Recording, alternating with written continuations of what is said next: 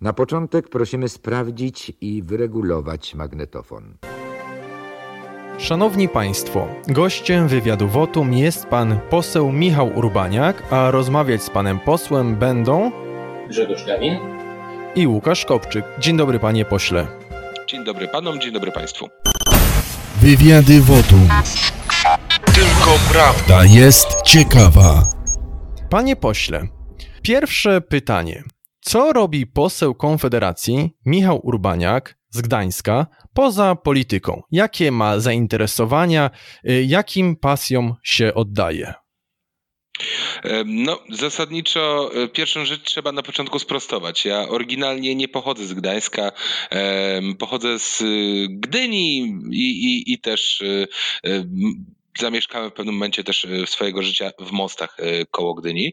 Natomiast większość swojego czasu, czy takiego zawodowego, czy też takiego po prostu prywatnego życia spędzam w ogóle w Trójmieście tutaj bez jakiegoś większego rozróżnienia, no bo też jakby obowiązki, te, które miałem wcześniej, czy te już jako, jako poseł, no pełnię zasadniczo w Trójmieście i w ramach województwa pomorskiego, no bo mm, Pomorze jest jednym regionem, a y, okręgi wyborcze to już jest raczej sprawa wtórna. To tak y, tytułem wstępu. E, natomiast to, co robię też, że tak się wyrażę, po pracy, tak, poza polityką, no można powiedzieć, że moje życie mniej lub bardziej kręci się w ogóle wokół polityki. E, więc dużo moich zainteresowań jest też pewną pochodną albo, albo może trochę skorelowana jest z polityką, choćby to, że jestem że tak powiem, troszeczkę zafiksowany na punkcie takich ciekawostek historycznych. Od lat y, zaczytuję się w, w jakichś książkach y, dotyczących czy biografiach e, znanych, y, znanych postaci historycznych i to jest taką jedną z rzeczy, które, które naprawdę lubię robić, kiedy mam wolny czas. Sporo czasu spędzam też na przykład e, na, na, na, na takich aktywnościach y, już bardziej, bardziej fizycznych. Czasem lubię pomajsterkować, choć zdarza mi się to dość rzadko już teraz. Czy też jedną z ulubionych aktywności jest po prostu wyjście do lasu. Tam jest cisza, tam jest spokój, e, tam można też poukładać swoje myśli i e, pooglądać przyrodę, co jest jedną e, z rzeczy, które lubię robić w miarę często.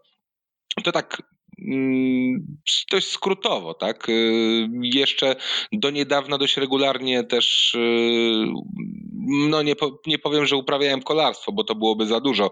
E, było to dużo bardziej amatorskie, natomiast y, jakieś tam e, wycieczki rowerowe, zwłaszcza po Kaszubach, gdzie jest też sporo podjazdów, no to robiłem dość często. W ostatnim półroczu w zasadzie nie miałem na to ani razu czasu. Ja jeszcze tak dopytam, y, bo wspomniał Pan o historii. Proszę powiedzieć, jaka postać historyczna w takim razie y, Panu najbardziej się podoba, imponuje lub na przykład y, postać, czy na przykład władca jakiś, którego cechy nasi obecni rządzący mogliby, a nawet powinni naśladować. Taka ulubiona Pana postać. Hmm. No i właśnie, znowu zeszliśmy na, na politykę.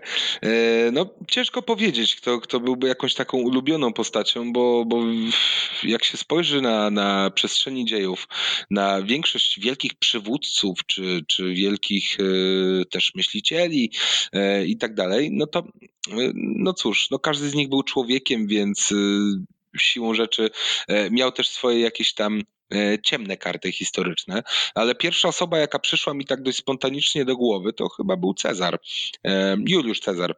E, jako naprawdę wytrawny polityk, jednocześnie świetny dowódca, którego kochali jego legioniści, więc no jest osobą, którą możemy określić dzisiaj jako osobę wielką i w wielu sprawach na pewno można, można czerpać inspirację z, z jego aktywności. Już kwestia może jego samych E, niektórych wyborów życiowych, czy, czy jego pełnej drogi politycznej albo sposobów na działanie, no mogłaby być dyskusyjna, ale um, na pewno wypełnia te znamiona do stwierdzenia, że był wielkim człowiekiem. E, rozumiem. Ja to w, takim w takiej sytuacji chciałbym się zapytać o trochę inną rzecz, bo tak na dobrą sprawę od dawna działa Pan oddolnie, organizacyjnie, choćby był Pan Straży Marszu Niepodległości. E, czy będąc posłem też e, będzie się chciał Pan jeszcze angażować w takie oddolne inicjatywy? A jeżeli nie, to czy ewentualnie tego jakoś dosyć mocno Panu brakuje? E, faktycznie, to jest ta część mojego życia, o której nie wspomniałem w pierwszym pytaniu, no ale ona siłą rzeczy też mocno wiąże się z polityką. E, no bo działalność społeczna, w której, w której wyrosłem właśnie, może zacznę od początku, to wyrosłem w Młodzieży Wszechpolskiej. W wieku 18 lat wstąpiłem e, do Gdyńskiego Koła Młodzieży Wszechpolskiej. Tutaj osobą, która mnie wprowadziła do tego grona jest mój serdeczny też przyjaciel, z którym do dziś działam w ruchu narodowym swoją drogą, Krzysztof Szymański. I tak większość y, różnego rodzaju aktywności właśnie społecznych skupiała się przez większość takiego mojego wolnego czasu e, właśnie w, w ramach pracy Młodzieży Wszechpolskiej. I, I tutaj możemy wymienić e, akcje charytatywne, akcje nagłaśniające e, problemy społeczne, tak, od akcji proekologicznych, na przykład związanych z Ekodoliną już tam w 2009 czy 2010 roku, poprzez akcje mniej lub bardziej też polityczne, ideologiczne, czy też e, pokazujące inny wymiar, na przykład patriotyzmu. Tak? Tutaj mówimy o e, Kocham Polskę, czy akcji Kupuj Polskie wspierającej e, patriotyzm gospodarczy. I już idąc dalej do, do Marszu Niepodległości. No w 2010 roku sam Marsz Niepodległości był zupełnie inną imprezą też niż jest dzisiaj. Był bardziej spontaniczny, może, może bardziej nawet oddolny jeśli, jeśli będziemy to dobrze, dobrze to słowo pojmować, bo był bardzo, e, no był mało profesjonalnie zorganizowany po prostu w porównaniu do tego, co, co było już w kolejnych latach, e, gdyż sama frekwencja nas jako narodowców wtedy mocno zaskoczyła, pozytywnie oczywiście. E, I już tak z biegiem lat y, profesjonalizowaliśmy się też y, w, w, budowaniu tej imprezy, jaką e, jest Marsz Niepodległości, no bo jest, można powiedzieć, takie serce e, patriotycznych imprez w Polsce, jakichkolwiek, czy, czy patriotycznych obchodów.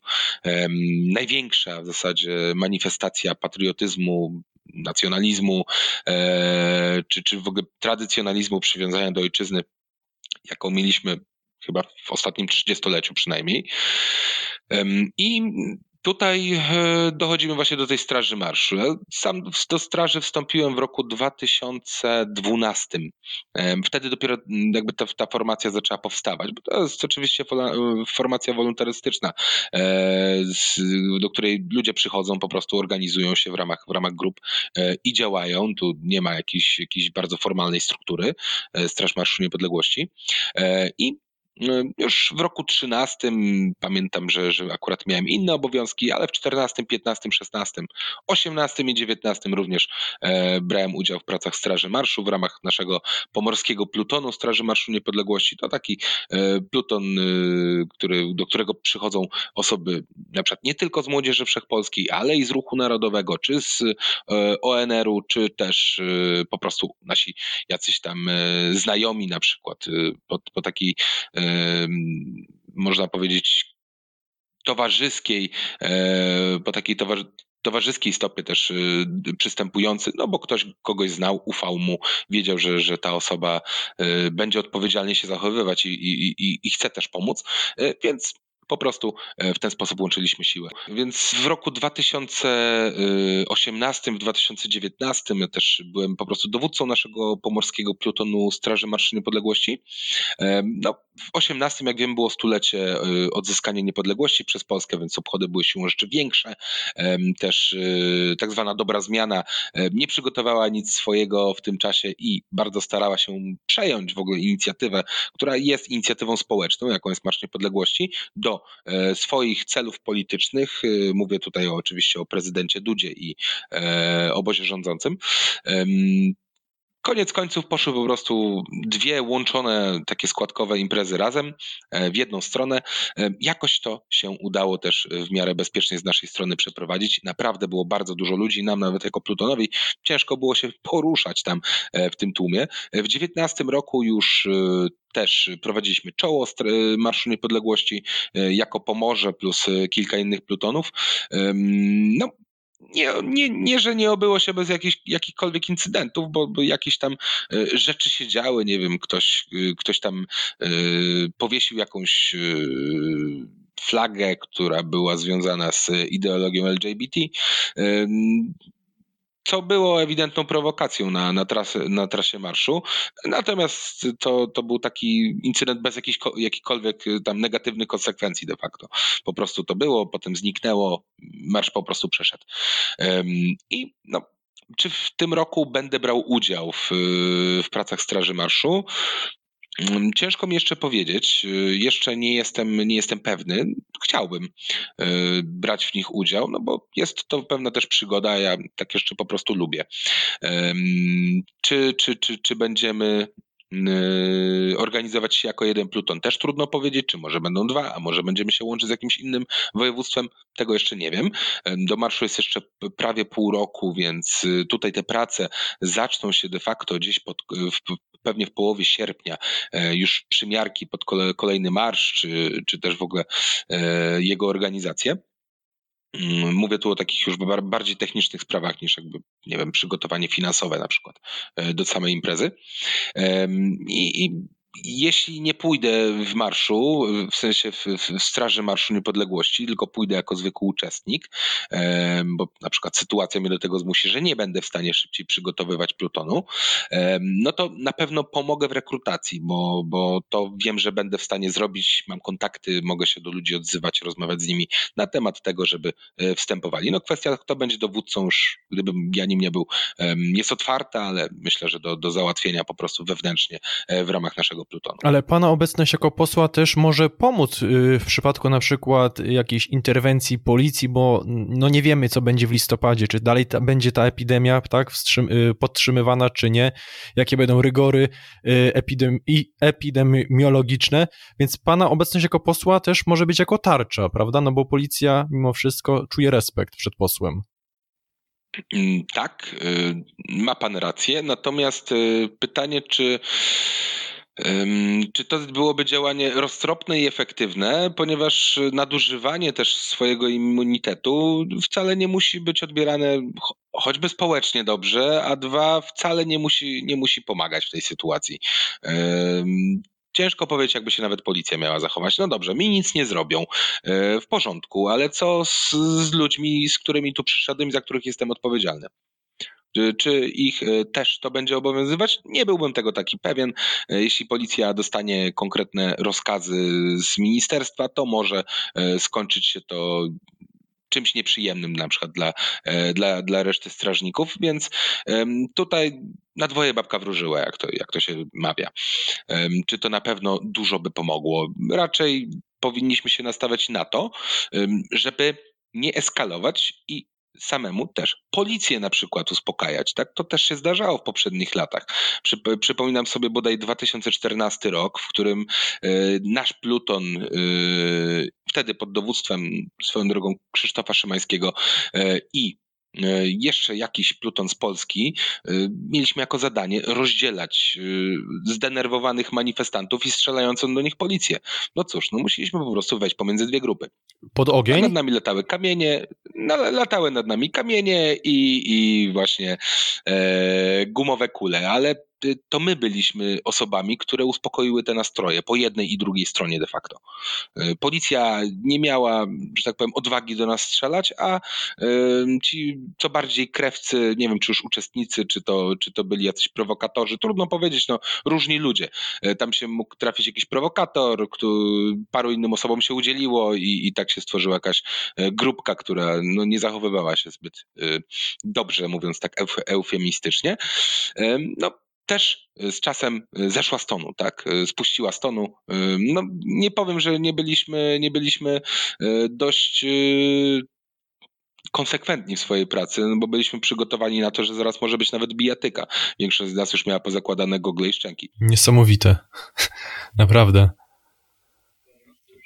No cóż, no takie życie. Nie spodziewałem się, że takie reakcje mogą być e, i takie sytuacje, zdarzenia E, jeżeli chodzi o to, co tak naprawdę działo się na Marszach Niepodległości, choć na dwóch czy trzech byłem, nie ukrywam. E, mhm. Ale tak odejdźmy na chwilę od tego tematu. Jeżeli chodzi e, o pańską działalność, tak, i trochę o tym właśnie Marsz Niepodległości, mm, bo pan wspomniał podczas e, odpowiedzi na pierwsze pytanie, że e, polityką i rzeczami z nią związanymi interesuje się pan od dawna i to jest główne pańskie zainteresowanie, ale gdyby pan jednak nie został politykiem, gdyby pan nie poszedł właśnie w tę polityczną stronę, to kim by pan został tak na dobrą sprawę? I, i czy to, że został pan posłem, w jakiś sposób wpłynęło na pana?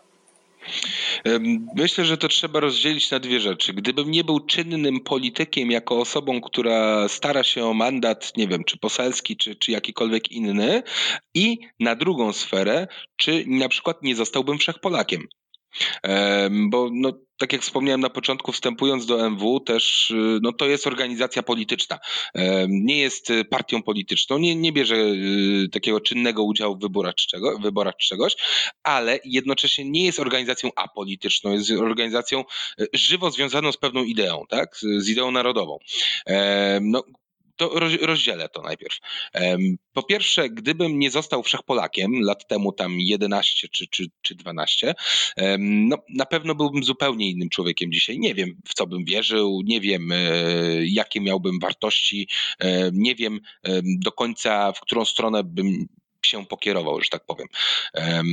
Na pewno ta organizacja naprostowała też w wielu sprawach moje myślenie o świecie, o ludziach, o, o rzeczach ważnych, e, więc, więc y, tutaj bym to rozdzielił. To jedna, jedna sfera. Mm, a druga sfera, kwestia, no nawet będą trzy, ale to zaraz. Druga sfera, właśnie ta polityczna, no ja wychodzę z założenia, cały czas, że nie mogę e, uzależnić się od polityki. Jako polityk, w sensie jako za, zawodowy nawet, no bo teraz jestem zawodowym politykiem, nie mogę się od tego uzależnić na tyle, żebym nie był w stanie sobie w życiu nigdy poradzić. I myślę, że to taka podstawowa zasada, jaką zdroworozsądkowo wszyscy politycy powinni sobie pod, gdzieś tam e, ułożyć, że muszę mieć na przykład drugi zawód. E, I Zasadniczo ja przez ostatnie lata, e, no nie, to będzie, będą jednak dwie rzeczy.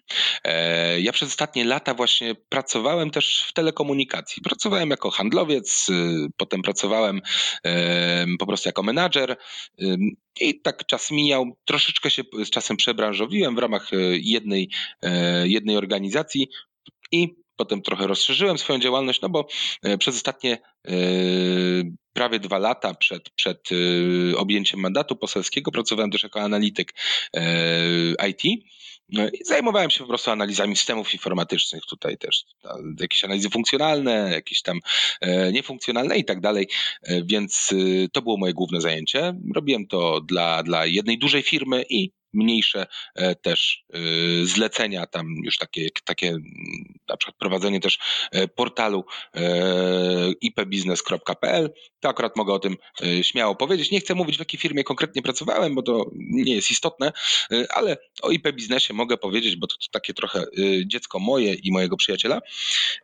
I szanowni panowie, y, gdybym nie, nie, nie, pracował dzisiaj po prostu politycznie, tak jak, tak jak teraz pracuję, no to pewnie dalej zajmowałbym się analizami. Albo rozkręcał ipbusiness.pl. Y, powiem panu, że teraz y, z tego, co pan mówi, to teraz całkowicie inaczej podchodzę, patrzę na to, jak pan na przykład się wypowiada analitycznie. Bo w wywiadach, w rozmowach, y, no, mówi pan bardzo zwięźle analitycznie i teraz już wiem, z czego to wynika, tak? Analityczne myślenie, analityczna praca. I tutaj chciałbym przejść niejako do kolejnego pytania. Pan, patrząc na pana zdjęcia, czy na przykład kiedy był pan w 2019 y, na czele Straży Marszu Niepodległości, widziałem, widziałem prawdziwego wojownika, tak? Ubiór, y, zapał, y, po prostu zdecydowanie. To też potwierdza to, co pan mhm. mówił, jak się działo we, wcześniej, we wcześniejszych latach, w jakich akcjach brał pan udział. Teraz, kiedy jest pan posłem, nadal ta waleczność panu została. To jest taki mój własny, indywidualny odbiór. I tę waleczność y, widziałem właśnie, kiedy pan się wypowiadał odnośnie broni, powszechnego dostępu do broni, kiedy panowie y, założyli, stworzyli, powołali y, zespół parlamentarny do spraw kultury posiadania broni. I proszę powiedzieć, w takim razie, czym ten zespół się tak naprawdę zajmuje i czy de facto jest możliwość poluzowania restrykcji, y, restrykcyjnych przepisów? Mm, wie pan co, zacznę może od dwóch rzeczy. E, pierwsza mm, to jakby może też dodam, że ja z natury ja bardzo lubię rywalizację. Ja lubię jakiś tam też adrenalinę, tak, naturalnie. Jako facet po prostu.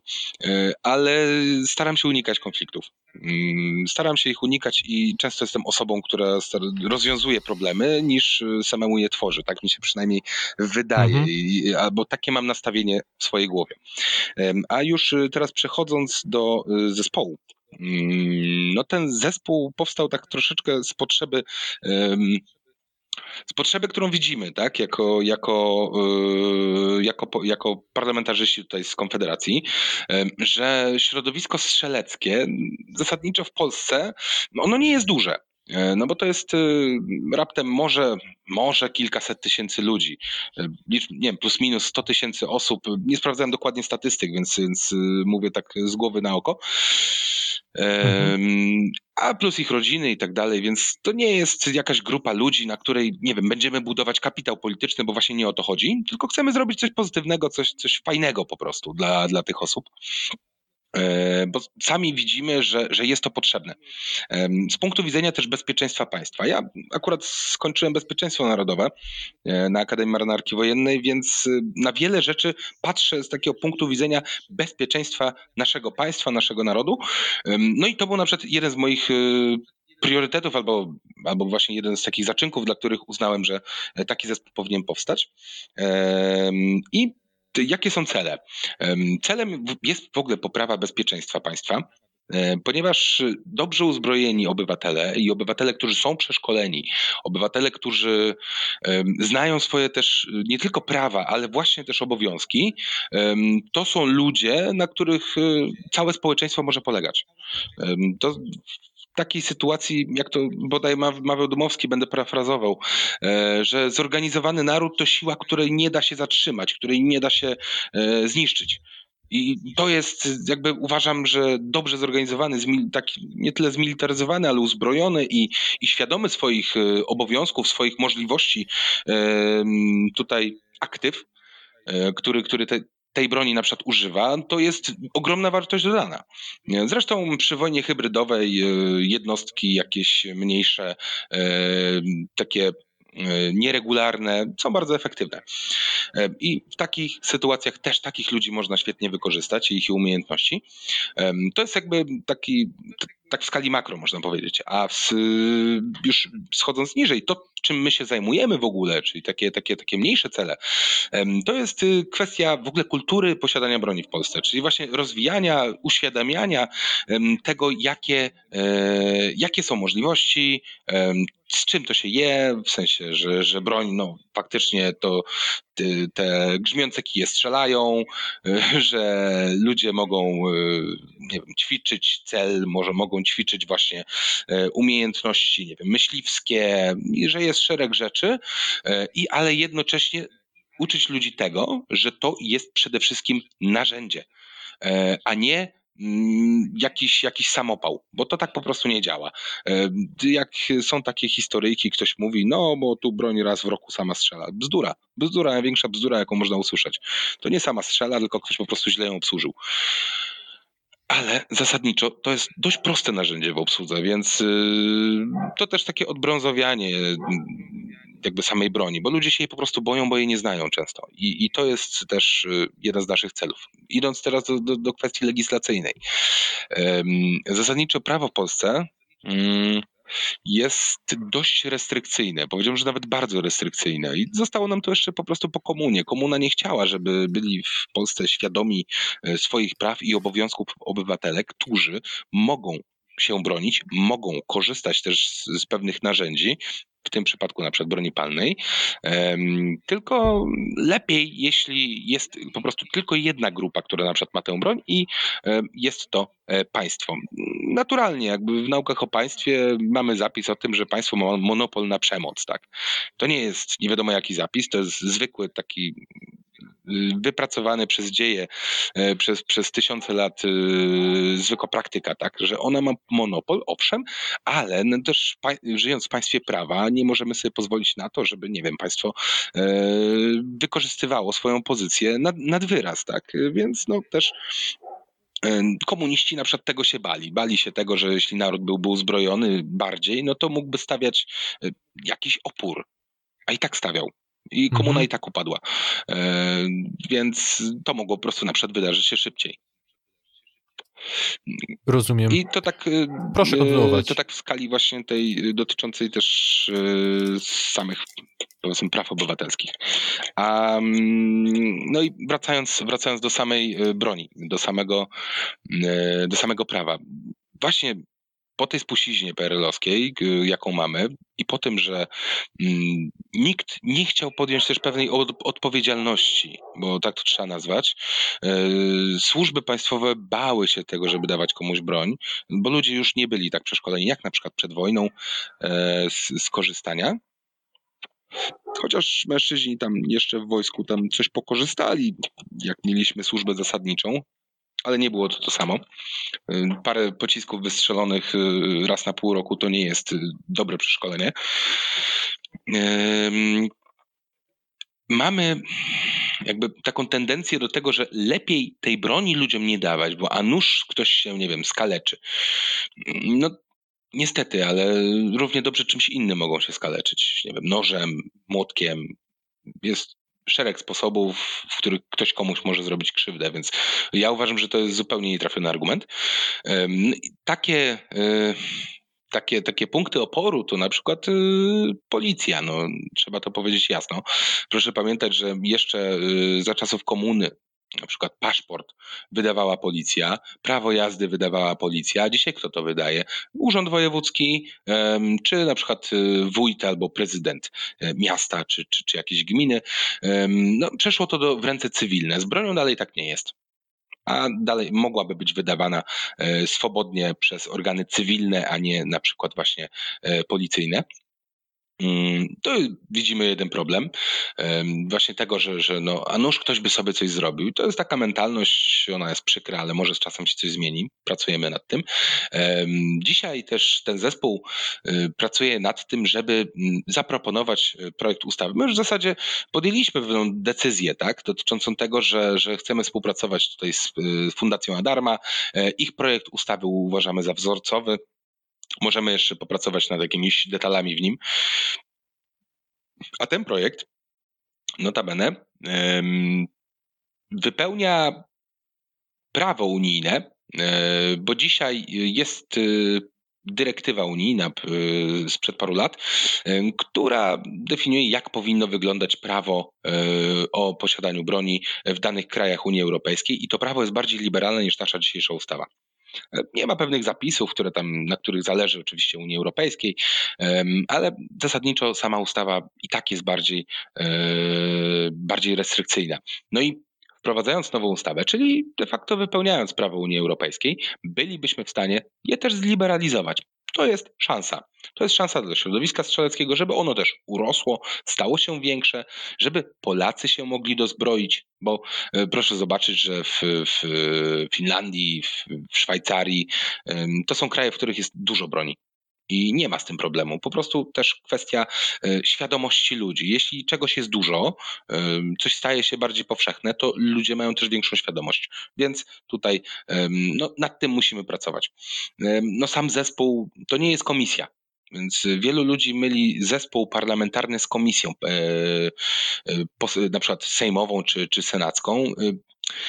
Zespół nie tworzy prawa. Zespół może powstać, no jest, nie wiem, na przykład zespół, w którym jest Jarosław Kaczyński i Klaudia Jachira, dotyczący tam miłośników kotów czy zwierząt. E, więc no, są zespoły, które, umówmy się, nie będą zajmować się poważnymi rzeczami i będą sobie po prostu istnieć, no, żeby sobie istnieć, żeby posłowie mogli jakoś miło spędzić czas. I takie są też możliwości tych zespołów, jeśli chodzi o, o legislację.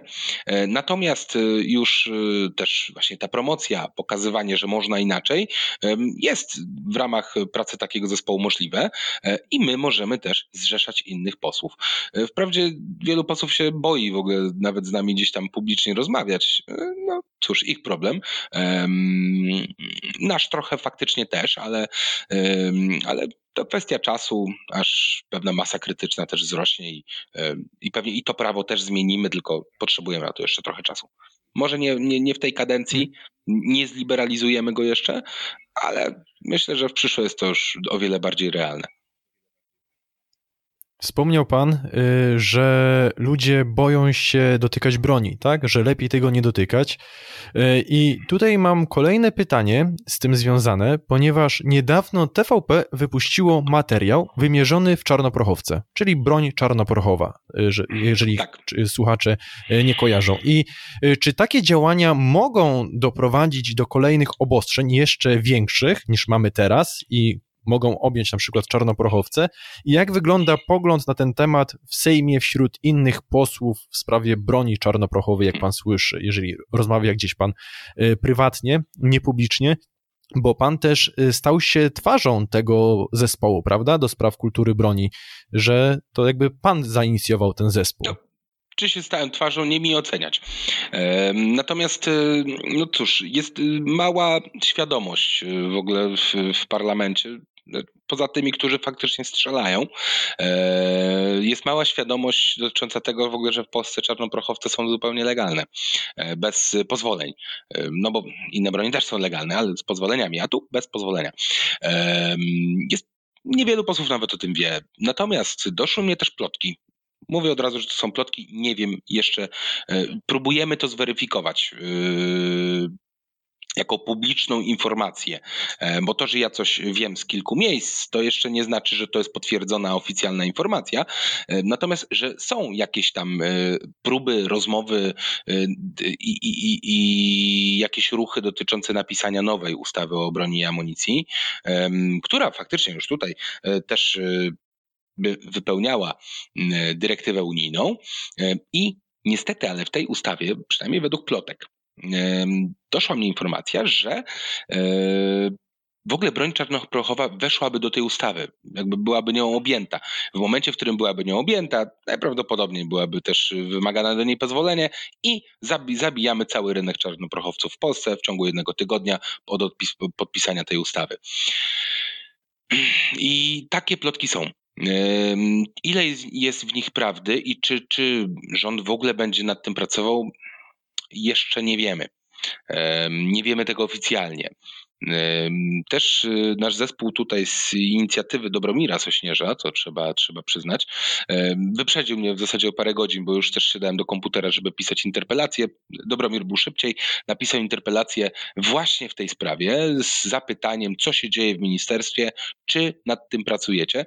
Interpelacja była napisana w zeszłym miesiącu i przez kilka, prawie, prawie 10 dni przechodziła w ogóle przez, y, przez wszystkie tam e, odpowiednie e, komórki w Sejmie. Tutaj musiała ją podpisać marszałek, ktoś ją musiał przeczytać, kliknąć i tak dalej. Tak bardzo obrazowo staram się właśnie tłumaczyć e, językiem potocznym. I no, jest teraz w ministerstwie. W międzyczasie napisałem do ministerstwa e, maila, dzwoniłem też wcześniej trochę trzeba było poczekać na linii, e, że no, tutaj mamy taką e, interpelację, kiedy możemy spodziewać się odpowiedzi. No dostałem e, wypis po prostu z, z ustawy, że, że oni mają tyle i tyle czasu, to wpłynęło do nich wtedy i wtedy i um, czekamy. No, to czekamy. No, możemy z, z, jeszcze innymi kanałami będziemy pracować nad tym, żeby dowiedzieć się szybciej. No, jak, jak nie dowiemy się szybciej niż, niż samej interpelacji, no to gdzieś w drugiej połowie czerwca będziemy mieć oficjalne stanowisko ministerstwa w tej sprawie. Ja myślę, że tutaj może pomóc, y, jeżeli ministerstwo nie odpowiada, może pomóc y, nagłośnienie tego medialnie.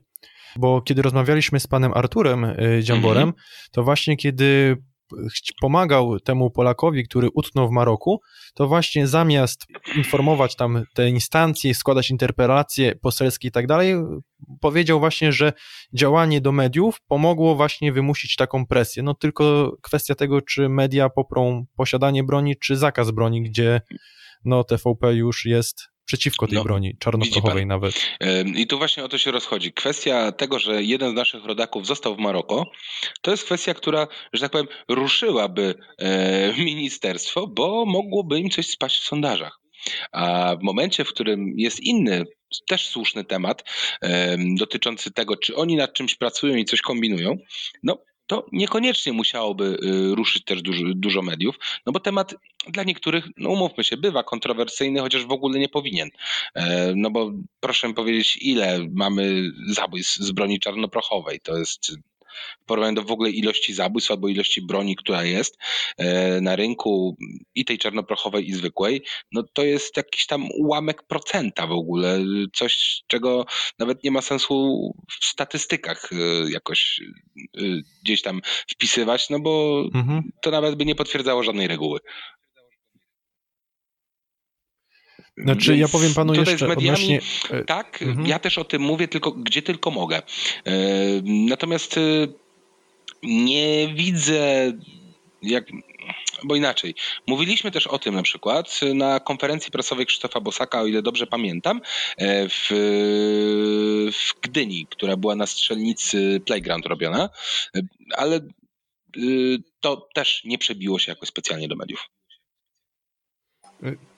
Jeszcze tylko zwrócę uwagę na jedną mm -hmm. rzecz yy, odnośnie argumentacji ludzi, bo kiedyś właśnie toczyłem taką dyskusję ze swoim kolegą z pracy yy, i no, ja jestem akurat za pozwoleniem, na, yy, jeżeli chodzi o broń, w ogóle, żeby ta broń nie była tak restrykcyjnie zakazywana obywatelom. I on użył takiego prostego argumentu, gdzie w ogóle to był argument oderwany od rzeczywistości, czyli kule ołowiane są drogie, dlatego tak mało Y, jest y, tej broni czarnoprochowej, używania zabójstw, a te kule są tak naprawdę tanie, wystarczy na Allegro wejść, no i mimo wszystko, że jest łatwo dostępna broń, y, jest, te kule są dostępne, tak, proch jest dostępny i tak dalej, kapiszony i tak dalej, to mimo wszystko tych zabójstw nie ma, czyli Polacy są mądrym na narodem. Wie pan, Zasadniczo broń czarnoprochowa też jest rejestrowana. No, nie wiem, e, jak oderwanym od rzeczywistości bądź e, od swojego własnego mózgu trzeba być, żeby stwierdzić, że jeśli zastrzelę kogoś z broni czarnoprochowej, to na pewno nikt do mnie nie dojdzie. No nie, to się nie dzieje. E, więc no tutaj faktycznie ma pan rację, że ten argument jest nietrafiony ze strony tego kolegi. E, druga sprawa, no, broń czarnoprochowa, nawet gdyby ktoś miał się postrzelić, no jest trudniejsza w obsłudze zasadniczo niż y, broń z nabojem scalonym. Y, bo tam bo przynajmniej w tej wersji, która jest legalna w Polsce, tak? Bo nie możemy używać w Polsce legalnie y, bez pozwolenia broni czarnoprochowej z nabojem scalonym. Tu musi być wszystko rozdzielnego ładowania, że e, tam jest, nie znam technicznie wszystkich szczegółów, ale mniej więcej działa to tak, że przecież tam jest prok, tam jest kula, tam jest jakiś kawałek papieru, jest jeszcze jakaś kaszka manna do zatkania i dopiero można strzelać, tak? E, no i aha, i właśnie kapiszon, e, no chyba na samym początku całego procesu. Więc no mamy broń trudniejszą w obsłudze właśnie, ludzie się nie zabijają, sami sobie też nie robią krzywdy, no a mogą to zrobić, tak, przecież dobre pozorom nie jest trudne, e, to myślę, że dziesięciolatek byłby w stanie załadować taki rewolwer na przykład na, na y, rozdzielnego ładowania, więc no, to po prostu jest kwestia tego, że Polacy wiedzą, co robią. No i, i, tu ma pan rację, że, że są pod tym względem dość mądrym narodem, ale mimo wszystko gdzieś tam w mediach, czy w, wśród polityków też no jest taka tendencja do tego, że a lepiej tego nie ruszać. Bo się boją po prostu. E, no tak, no to jeżeli chodzi o kwestię broni, to myślę, że moglibyśmy tak dyskutować do jutra, e, znając życie, bo to jest temat rzeka, tak na dobrą sprawę.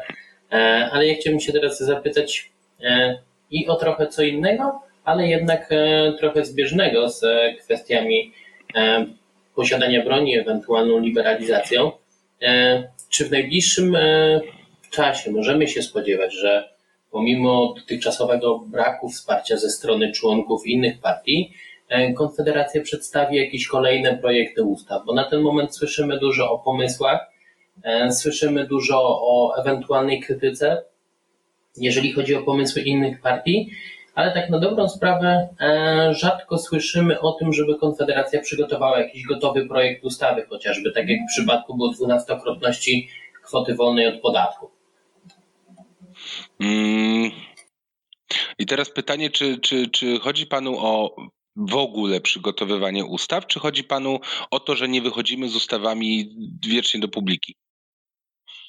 E, tutaj chodzi mi o, jakby to powiedzieć, zaprezentowanie projektów ustaw, czy w ogóle też je mhm. przygotowane. Oczywiście, to też nie mówię, że musi być wszystko nagłaśniane w mediach, e, wszystko musi być pokazywane od razu, choć e, ja jestem zwolennikiem tego, tego, aby opinia publiczna widziała, aby to też był dla zwolenników Konfederacji też argument w różnego typu dyskusjach politycznych, mhm. że Konfederacja jest aktywna, a nie tylko siedzi i głosuje tak, jak jej się podoba, ale to tylko moje zdanie.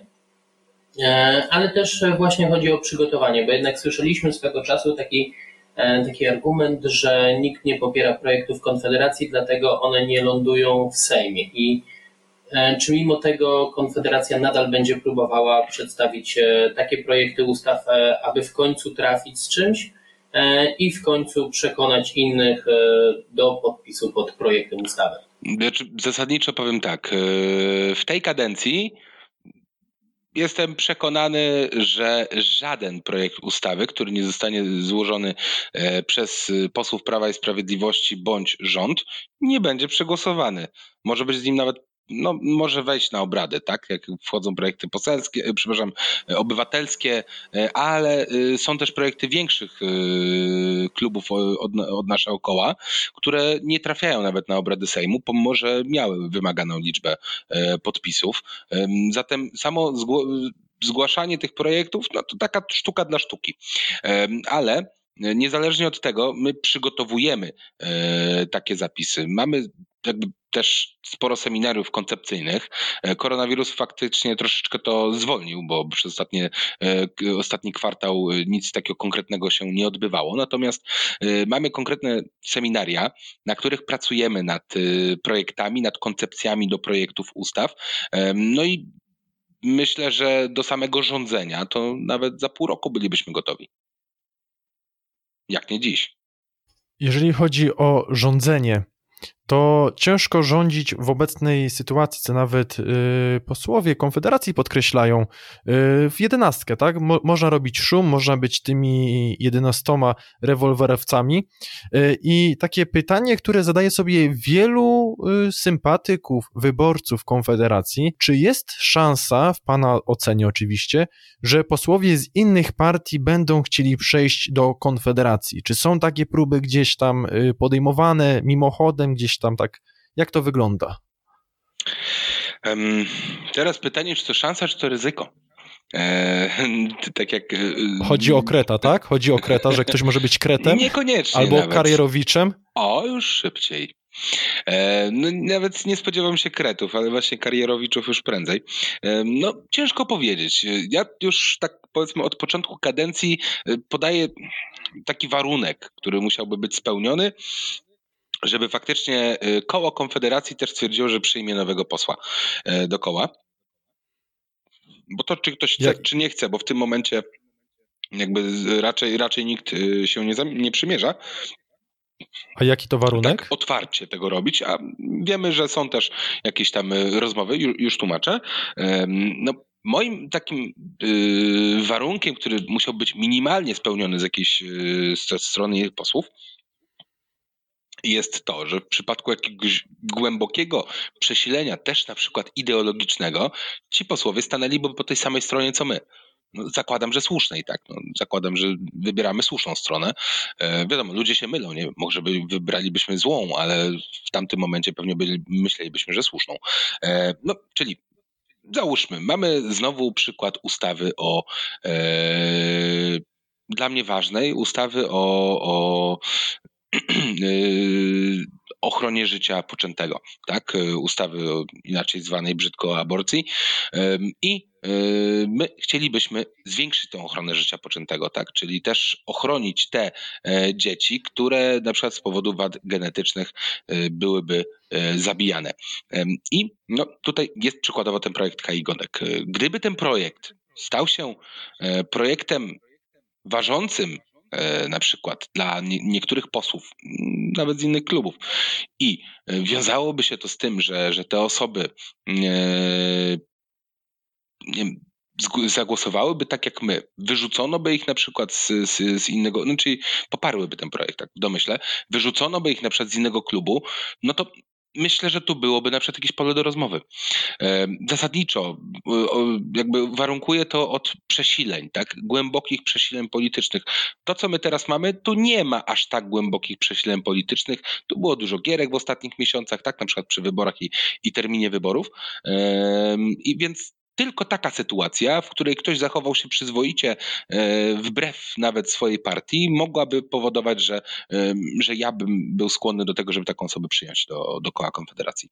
W innych przypadkach, no raczej mm, pewnie raczej, raczej ludzie mogliby przychodzić na przykład z tonących okrętów, tak, tak przysłowiowych, e, gdzieś tam, nie wiem, od Gowina albo od y, pana Ziobry, ministra. E, mogliby chcieć na przykład przyjść do nas, no bo widzą, że nam na przykład rośnie, rosną, słupki poparcia, a im spadają, to im się nie opłaca już tam siedzieć. Nie, to taka sytuacja moim zdaniem e, nie wchodzi w grę. Proszę pamiętać, że żeby rządzić krajem, tak, no rządzić, no, nie lubię tego słowa, ale niech będzie, e, żeby rządzić krajem, potrzeba sprawdzonych ludzi, potrzeba sprawdzonych kadr, więc jak mielibyśmy zaufać komuś, z kim mamy współpracować, z kim mamy budować lepszą Polskę po prostu, jeśli ten ktoś y, na przykład zdradził, zdradził swoje, swojego y, poprzedniego lidera. No, nie wyobrażam sobie tego, żeby teraz na przykład pójść do Roberta Winnickiego i mu powiedzieć, wiesz co, idę do PiSu, jak tam paru moich byłych kolegów, e, ale jak wy będziecie mieli 20% albo 30%, to daj znać. No nie, no tak się nie robi i w polityce i w życiu. No, nikt nie szanuje zdrajców. No pewnie, że tak, więc e, tak od razu trochę takiego już na koniec, tak na dobrą sprawę, takie pytanie, e, oczywiście pół żartem, pół serio. Rozumiem, że Adam Andruszkiewicz nie ma już miejsca w, w Konfederacji. Jeśli mogę, nie chcę rozmawiać w ogóle na temat tego człowieka. Słuchałeś podcastu Wotum. Jeżeli nie chcesz przegapić kolejnego wywiadu, obserwuj nas na Spotify lub na innych platformach podcastowych. Polub nasz fanpage na Facebooku. Subskrybuj kanał Wotum na YouTubie. Nie zapomnij również skomentować i dać łapki w górę. Wszystkie linki znajdziesz w opisie.